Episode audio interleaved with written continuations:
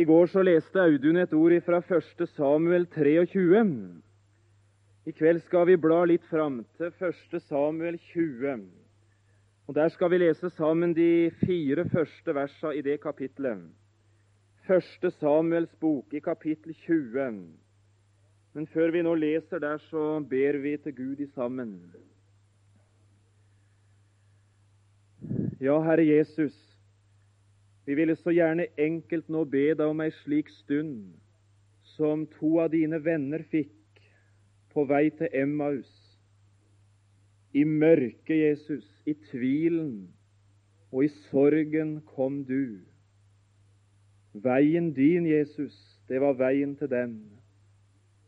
Og så opplevde de noe, Jesus, og som vi ønska å få oppleve det i kveld. Da du opplot Skriftene for dem, øste ut av evangelieordet. Å, så nytt livet blei.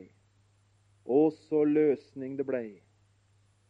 Herre Jesus, tenn våre hjerter i brann. Brente ikke våre hjerter i oss. Opplatt våre øyne, om vi kunne få se deg og sett oss i brann, Jesus, slik at både føtter og tunge villig er brukbare i tjenesten for deg. Du ser den enkelte som nå skal lytte, Jesus. La ordet nå inn i det enkelte hjertet, og gi meg det jeg trenger for å tale det slik som dette ordet skal tales. Kjære Hellige Ånd, vil du kaste glans over Jesus for oss og sette oss slik at Han blir stor og umistelig for oss. Amen.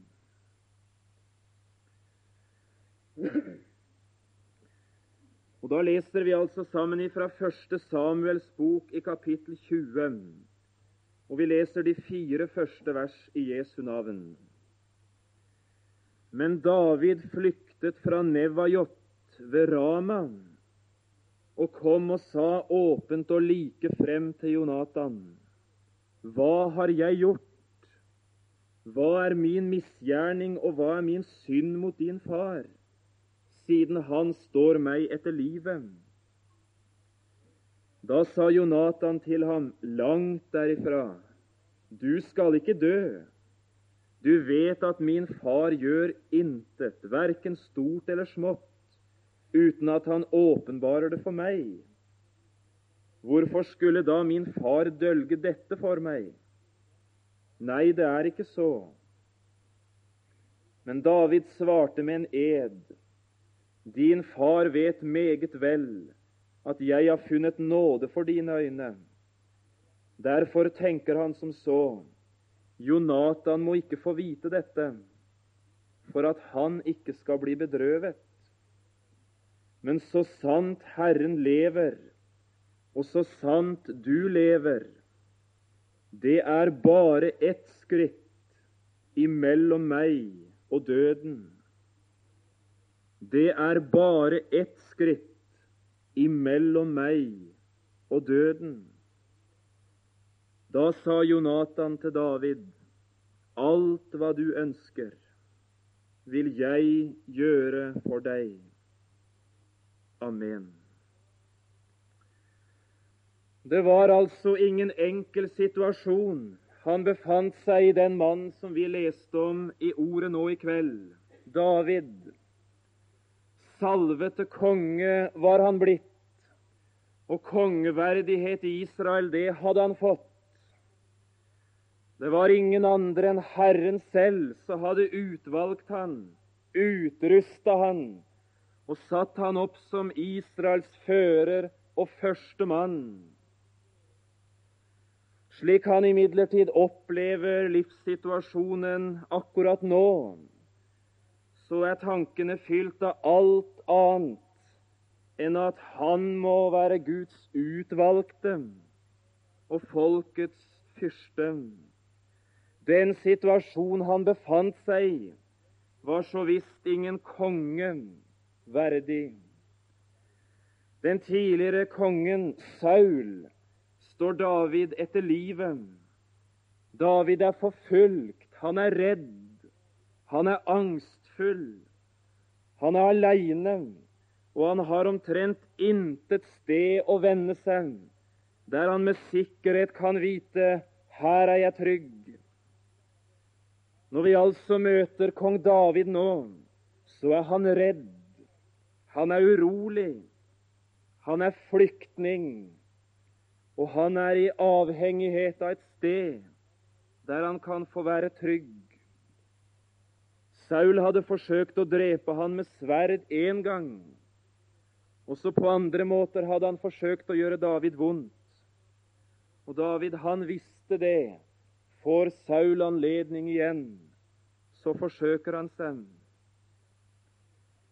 Det er i den situasjonen, i angst for døden, i angst for en fyrste, i frykt for framtid, at han avlegger den bekjennelsen vi har lest sammen i kveld.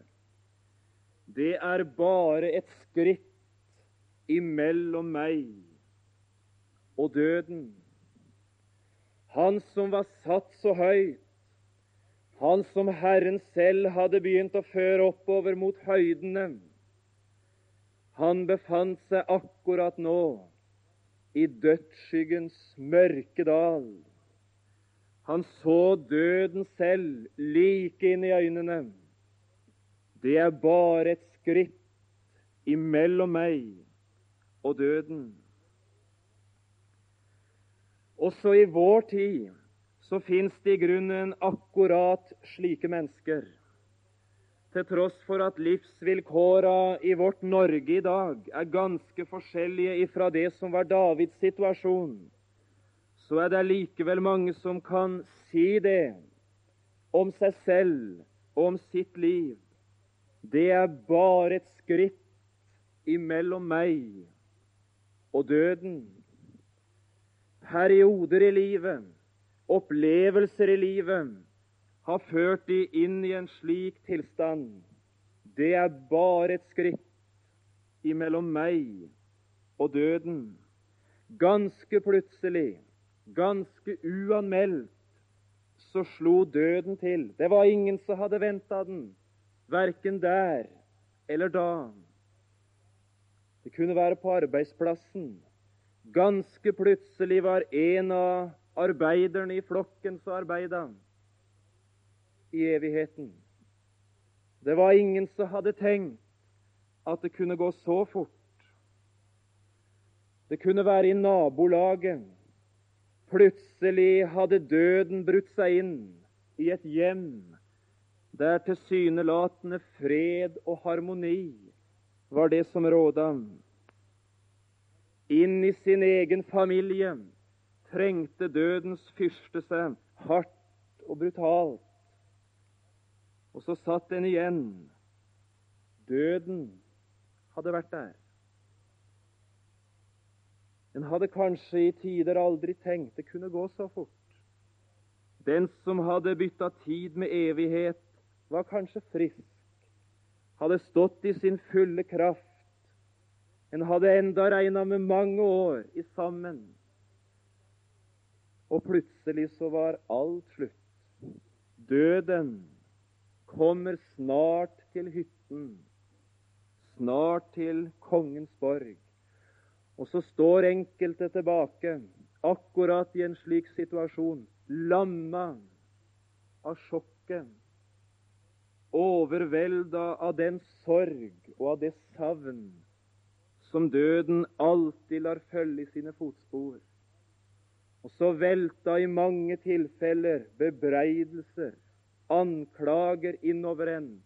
Alt en skulle ha gjort, alt en skulle ha sagt, en var kommet i nærkontakt med døden. Kanskje var det en sjøl det gjaldt. Det sitter ganske sikkert enkelt i forsamlingen i kveld. Ulykkesøyeblikket førte deg inn i dødens forgård. Sjukdommen som kom, førte deg inn i en slik situasjon du visste. Det er på nippet nå til at tid blir til evighet også i mitt liv. Det er bare et skritt imellom meg og døden. Jeg kunne i grunn vært veldig personlig i kveld og brukt mye av preken min akkurat til dette jeg taler om nå. Det skal jeg ikke gjøre noe særlig. Men jeg har enkelte opplevelser fra mitt liv, også jeg, akkurat av det. Det var bare et skritt imellom meg og døden. Jeg kommer aldri til å glemme en novemberdag i 1969. 15 år. Og så opplevde vi en torsdag formiddag. Vi hadde jo aldri tenkt det skulle skje da. At far var i evigheten. Slike stunder preger i grunnen et menneske. Og Jeg har ikke lyst til å si noe mer om det annet enn dette. I nærkontakt med døden i den perioden fikk jeg oppleve noe som hjalp meg inn, inn i et frigjort, godt liv med Gud. Jeg skal heller ikke, tror jeg, glemme en novemberdag nøyaktig ti år seinere, eller en novemberperiode Sjøl lå jeg på Notodden sykehus og hadde sprukken blindtarm og bukhinnebetennelse. Og så var det stopp i omtrent alt som var nedover i det systemet. Da lærte jeg noe i dødens forgård. Jeg tror nesten ikke på det sykehuset at jeg hadde en dag der det var godt for meg å tenke mye på Gud og på de bibelske ting. Jeg hadde for vondt. Jeg var for trøtt, og jeg var for utmatta. Og jeg har altså tenkt på det seinere. Så mange mennesker som går omkring og tenker. Jo da, jeg skal nok tenke på Gud. Men det får bli når sykdommen kommer. Det får bli når jeg er ferdig i denne verden. Såpass mye vet en iallfall at å tenke mye på Gud når en er sjuk og har vondt, det er det de færreste som kan. Jeg hadde ett ord de 14 dagene jeg lå på, på sykehus på Notodden. Og det ordet tviholdt jeg. Det ordet ble også lest på bønnemøtet her nede i kveld. Jeg vet de tanker jeg tenker om dere, sier Herren. Fredstanker og så blei dette så velsigna godt for meg. Herre Jesus, du veit jeg makta ikke å tenke på deg så mye nå. Jeg makta ikke tankemessig å være så opptatt med deg og det du har gjort. Jeg, jeg orker ikke. Takk for den trygghet og for den tillit at du tenker mye på meg nå. Takk at jeg er i dine tanker, og takk at det er fredstanker jeg får være innelukka i velsigna tillit. Hans omsorg er ikke avhengig av mine mange tanker på Han. Det er Hans omtanke for meg som gir meg trygghet. Jeg vet de tanker jeg tenker om dere, sier Herren. Jeg lærte noe i skrittlengdes avstand fra døden. Og Jeg vet ikke om jeg heller makter å forklare hvorledes vi like etter bibelkurs i sommer her på Åkra opplevde det oppe i Tinn. Jeg sto i en teltvirksomhet der sammen med noen ungdommer i et team. En dag rett før vi skulle til friluftsmøte oppe på Rjukan, så fikk vi fatt i ei avis. En som var med i ungdomsflokken vår der, begynte å lese den avisa. Og så så vi på jenta som satt og leste, at nå leste hun noe som gjorde et voldsomt inntrykk. Overskriften så vi i den avisa 'Morderen ventet på Kari', sto det. Og Så viste det seg at to av de jentene som var i det teamet, de hadde gått på bibelskolen i Staffels gate et helt år sammen med den der jenta. Sjøl hadde jeg sittet i halvannet år på forhånd og lest søknaden hennes til bibelskolen og vært med og gitt henne plass på den måten. Og så opplevde vi noe sammen, vi ungdommene, den dagen. Når dere husker hun der Kari Mjange blir rykka inn i evigheten på en sånn forferdelig måte som gjorde. Bare et skritt, og så var det evigheten. Vi lærte noe i den virksomheten. Å være ung er ikke alltid det samme som å ha de mange åra foran seg.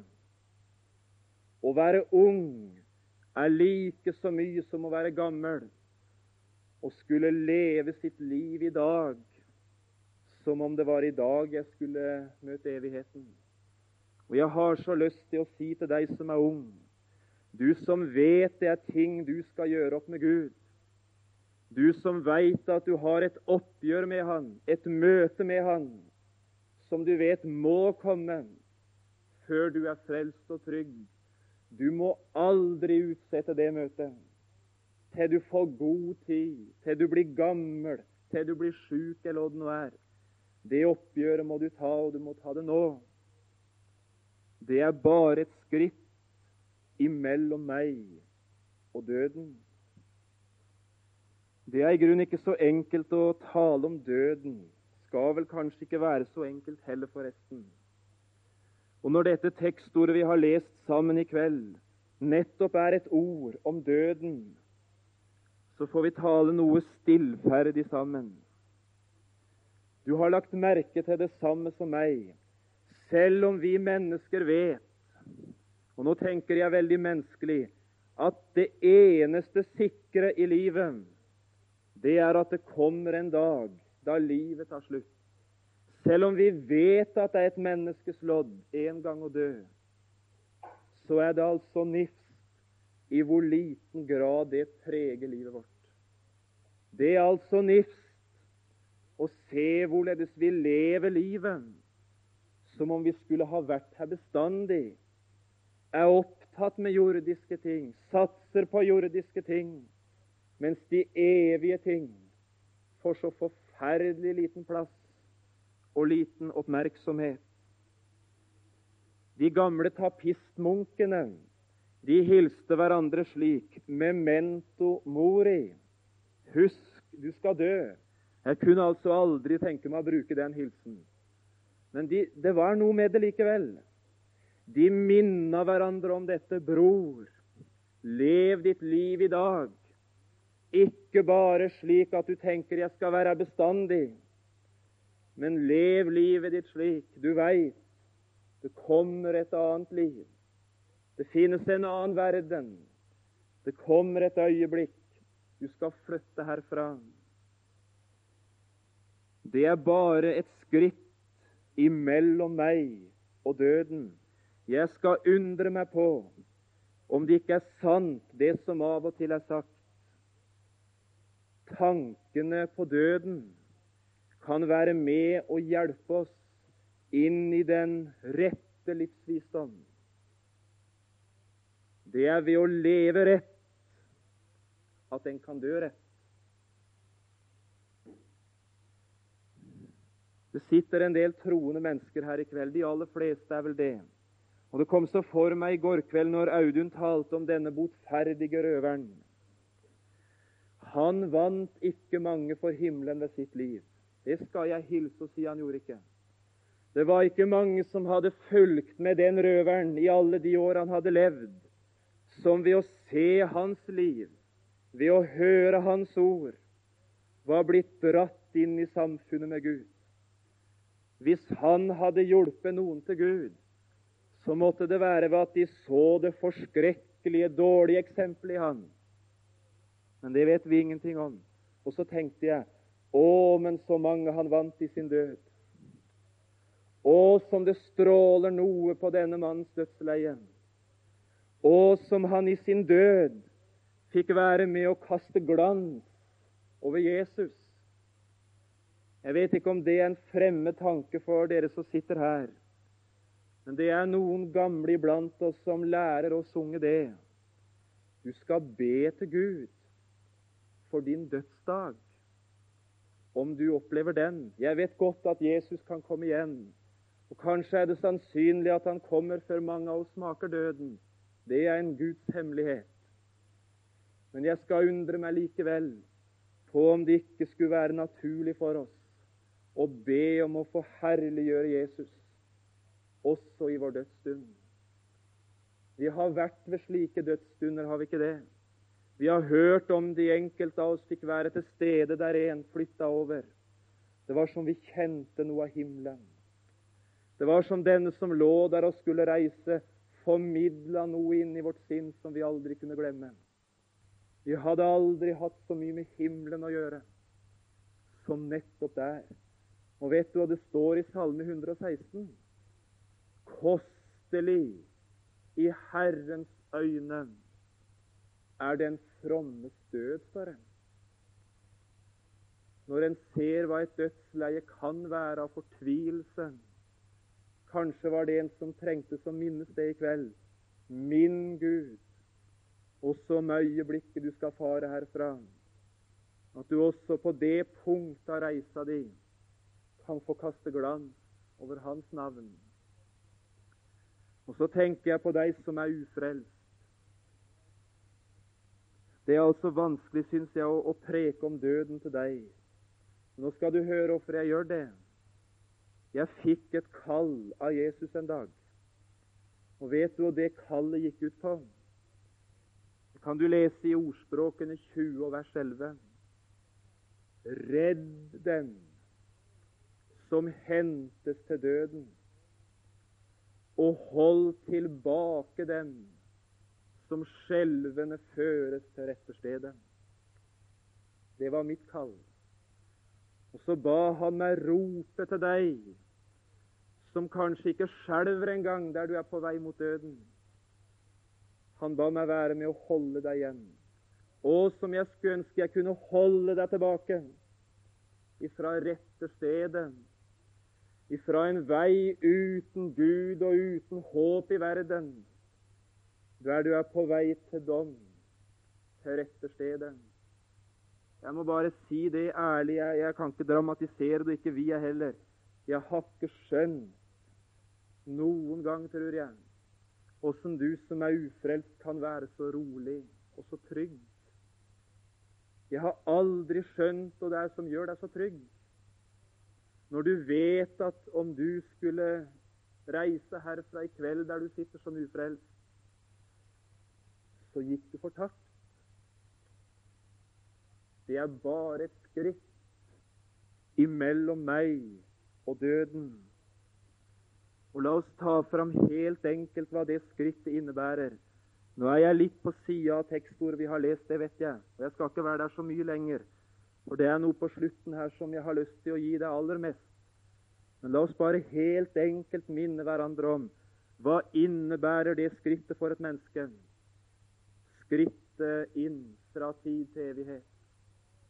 Det innebærer, så langt jeg ser i Guds ord, fire ting, og jeg skal bare nevne de.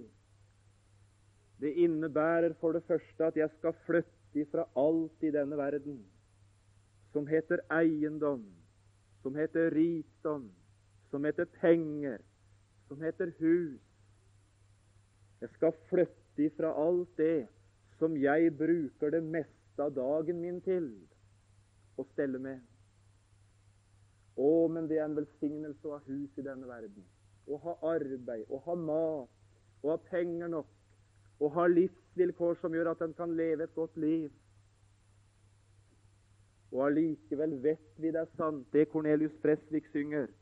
Du kan ingenting ta med deg dit du går, arme sjel, som i denne verden ikke har hatt annet å mette trøste seg sjøl med enn de jordiske ting. Du får ikke med deg noe den dagens skritt er ditt skritt. Det andre som skjer den dagen, det er at du kanskje for første gang legger ut på ei viktig reise aleine. Å, men det er godt i livet at vi har gode venner. Det er godt vi har noen å støtte oss på i verden. Det er godt å være forkynner og vite at en har mennesker i en forsamling som støtter en med bønnearmer. Det er godt å ha familie, venner som kan hjelpe en i vanskeligheter, så en kan delene, dele gledene med når det er godt.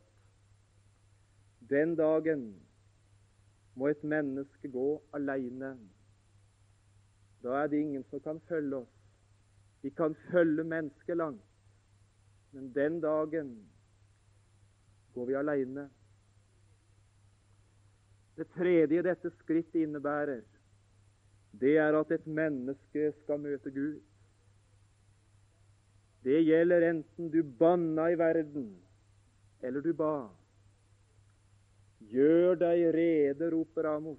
Gjør deg rede til å møte Gud. Å ta skritten, det er å ta skritten inn til Gud. Jeg skal møte Han. Og Det siste det innebærer, dette skrittet, og det lå meg altså på hjertet å få sagt, det innebærer at alt som heter nådetid, det er totalt slutt. Der blir ingen mulighet på den andre sida til å gjøre godt igjen noe av det en i verden visste jeg burde ha gjort om igjen. Det blir aldri mulighet i den kommende verden, når skrittet er tatt, til å be Gud om nåde, om du ikke ba om det her. Det er bare et skritt imellom meg og døden.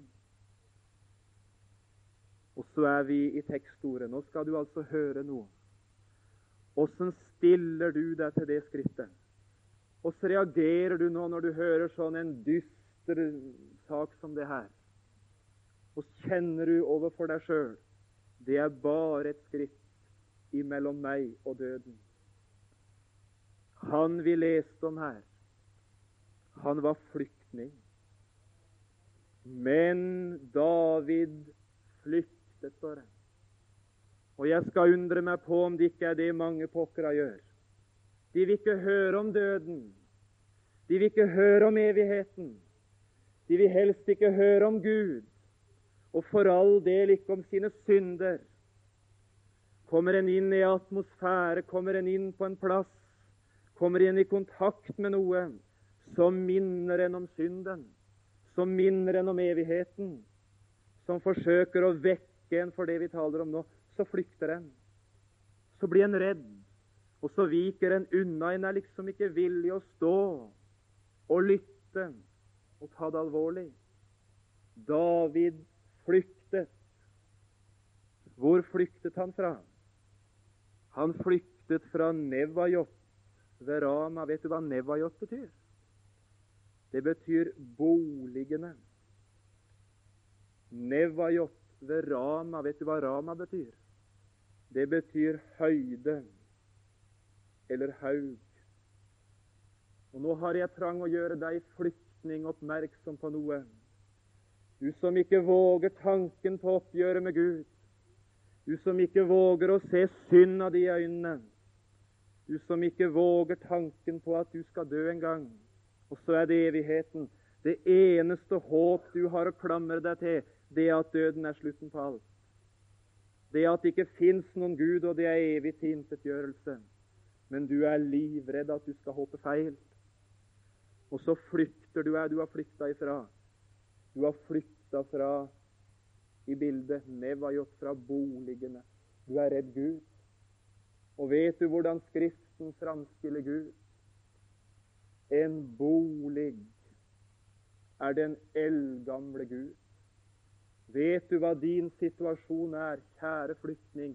Du er hvileløs i verden. Du er hjemløs, og du er redd. Du har, når det kommer til stykket, ikke noe sted der ditt hjerte og din tanke kan være rolig. Du har ikke noe sted der du kan finne en trøst som du veit er en ekte trøst det er surrogat, og det er flukt. Og så er du hvileløs. Jeg skal fortelle deg hvorfor du er hvileløs. Du flykter fra noe du tror er din undergang. Du flykter fra Gud. Du tror Gud er straffens og dommens tyrann, og møtet med Han betyr din evige undergang. Å, du skulle ha sett du flykter fra din bolig, du flykter fra det eneste sted i tilværelsen der du kan være trygg, der det finnes et sted der du kan få hvile og ha fred. David flyktet fra Nevajot, fra boligen. ved Rana, høyden, haugen. Jeg kjenner en haug som du ikke har vært ved.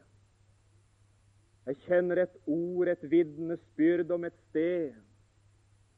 Du har aldri våga deg til det stedet. Jeg var der en gang. Jeg sto hist på Golgata-høyden.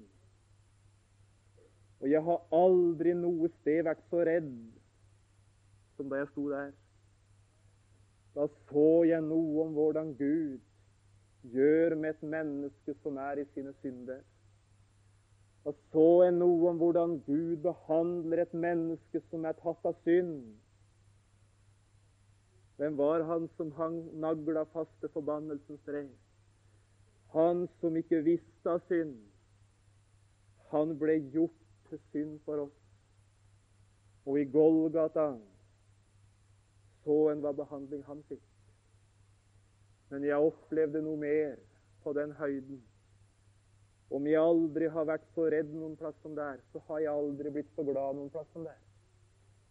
Om jeg aldri har vært så urolig noe sted som der, så har jeg aldri blitt så rolig som der. Nådestrømmer fra korset ned dyp som havet med stille fred. Nok for tid og for evighet. Nåde nok for meg. Da en rettferdig behandling ramma Han, så var det for at en nådefull behandling skulle bli meg til del. Da straffen ble lagt på Han, så var det for at jeg skulle ha fred. Ved hans sår fikk jeg legedom. Urolige flyktning, det er det du har flykta ifra. Du er redd Gud. Du er redd Jesus. Du er redd kallen. Det du flykter ifra, det er en frelser som ønsker å gi deg sin nåde. Som ønsker å trykke deg inn til seg og gjøre deg trygg. Gi deg fred gi deg hvile.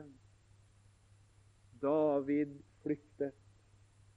David flyktet. Vet du hva David betyr? Det betyr elsket. Flyktningen, han var elsket. Og har jeg ikke annet som jeg kan få si så du husker, så vil jeg si det. Med en evig kjærlighet har jeg elsket deg, sier Herren. Du er dyrebar i mine øyne. Du er aktet høyt, og jeg elsker deg. Om du som er urolig og redd, som kanskje frykter døden, om du kunne høre nå Han du flykter ifra, han har det eneste sted der du kan finne hvile. Han har den eneste løsning som finnes når det gjelder din syndenød. Og han er den eneste som har vist deg slik kjærlighet. Han var villig å gi alt for at du skulle leve. Elsket, elsket av Gud. Om jeg kunne stanse en flyktning i kveld og si Det er det siste jeg skal si i preken min. Det er bare et skritt mellom deg og døden. Nå skal du høre det er også bare et skritt mellom deg og Jesus. Av og til så framstiller vi ufrelste mennesker sånn. Hvis de er positive, hvis de er å få med på et møte, hvis de liksom er sånn passelig interessert, da sier vi de de er visst nær Guds rike, sier vi. Men hvis de er litt høylytte når det gjelder å banne og diskutere og lever hardt og, og, og liksom grovt, så sier vi å, men de er langt borte fra Gud, sier vi. Kan det være mulighet for dem? De er harde, og de er kalde, og de er så langt vekk. Så skal du høre noe. Det blei så nytt og fint for meg på bibelkurs her i sommer, akkurat det. Det er ingen i 1982 som er langt borte fra Gud. Ingen. Hva enten han bor i Kina og aldri har hørt evangeliet, eller han bor i Norge og har hørt siden han ble født, Enten han har banna og levd i utskeielser og elendighet, eller han har levd det fineste liv som tenkes kan. Det er ingen i dag som er langt borte fra Gud. De var langt vekk en gang, men han som heter Jesus, han kom den lange veien. Og så sørga han for å gjøre det så fullkomment, det verket han gjorde, at det eneste som står igjen for at en synder i dag kan bli frelst, det er at han tar et skritt skrittet til Jesus. Det er bare et skritt imellom deg og Jesus. Og Så vil jeg til slutt gi deg akkurat den tanken. David døde ikke. Han var skritt ifra døden, men han fikk leve. Og en av de som sørga for å hjelpe David mer enn noen, det var han vi leste om her. Å, men jeg syns han står for et enestående fint bilde på Jesus. Det var Jonathan. Vet du hva det navnet betyr? Jonathan. Han som trøsta David, som hjalp han, som stilte seg fram for David og sa 'Alt du ber meg om, vil jeg gjøre for deg'. Vet du hva Jonathan betyr? Herren har gitt. Herren har gitt. Og så ser jeg en frelser sitte ved en brønn i Samaria. Og så møter han ei kvinne som ikke hadde vært opptatt med annet enn mennesker som krevde. Alltid var det hun som skulle gi. Alltid var det hun som skulle yte. Alltid var det henne de dreide rovdrift på. Og Så møter hun for første gang i sitt liv en som var kommet for å gi. Kjente du Guds gave, og visste du hvem som sier til deg 'gi meg å drikke', så hadde du bedt Han, og så hadde Han gitt deg. Og så åpna denne kvinna seg for ord om Han som var kommet for å gi. Og så hørte hun et ord den dagen. Så har Gud elsket verden, elsket deg. Så høyt har Gud elsket verden at han ga. Herren har gitt. Og så står Jonathan der. Det står om han, han hadde David kjær som sitt eget liv. Og er det noe som er sant om den Herre Jesus, så er det at han har elsket deg med en evig guddommelig kjærlighet. Og så stilte Jonathan seg fram for David, akkurat slik Jesus i kveld står. Alt hva du ønsker, vil jeg gjøre for deg. Ser du den blinde tiggeren ved veien? Der Jesus blir stansa, hva vil du at jeg skal gjøre for deg? Herren, at jeg må bli seende. At jeg må få Jesus det jeg mangler. Du ser hva jeg har behov for. Vil du gi meg det jeg trenger, Jesus, at jeg må bli seende? Ga Jesus han det? Her kan du stole på han gjorde. Om jeg kunne si det til sist i kveld Alt hva du spør om, vil jeg gjøre for deg. Og så sitter noen med syndebyrda. Du har aldri hatt fred i sjel og samvittighet, kanskje ikke på år. Om du stille kunne be Han, Herren, løs meg fra syndenøden. Fri meg fra det som trykker sjela mi. La meg få puste fritt igjen. La syndebyrda rase av meg. La meg få tro frelsen. Alt hva du ber om, vil jeg gjøre for deg. Herre Jesus, vi kjenner aller først trang å takke Jesus at du gikk i døden i stedet for oss. At det er sant det var en som var villig å dø i mitt sted for at jeg skulle leve ved Han. Takk at du knuste dødens velde, Herre. Takk at i deg så fins det utganger fra døden. Vil du hjelpe en flyktning i kveld? Om han har flykta fra dødsalvoret, fra syndebyrd og fra evighet. Stans han opp Jesus, og la han få møte deg Og møt han så med dette elsket og tilgitt. Signe hver enkelt som har møtt deg slik, Jesus. Vi tenker på de forsamlingene som snart skal flytte over grensa. Gjør Gud for Kristi dyre blod vår siste avskjedstime god. La oss i vårt liv, Herren, og i vår død få være til ære for ditt navn. Amen.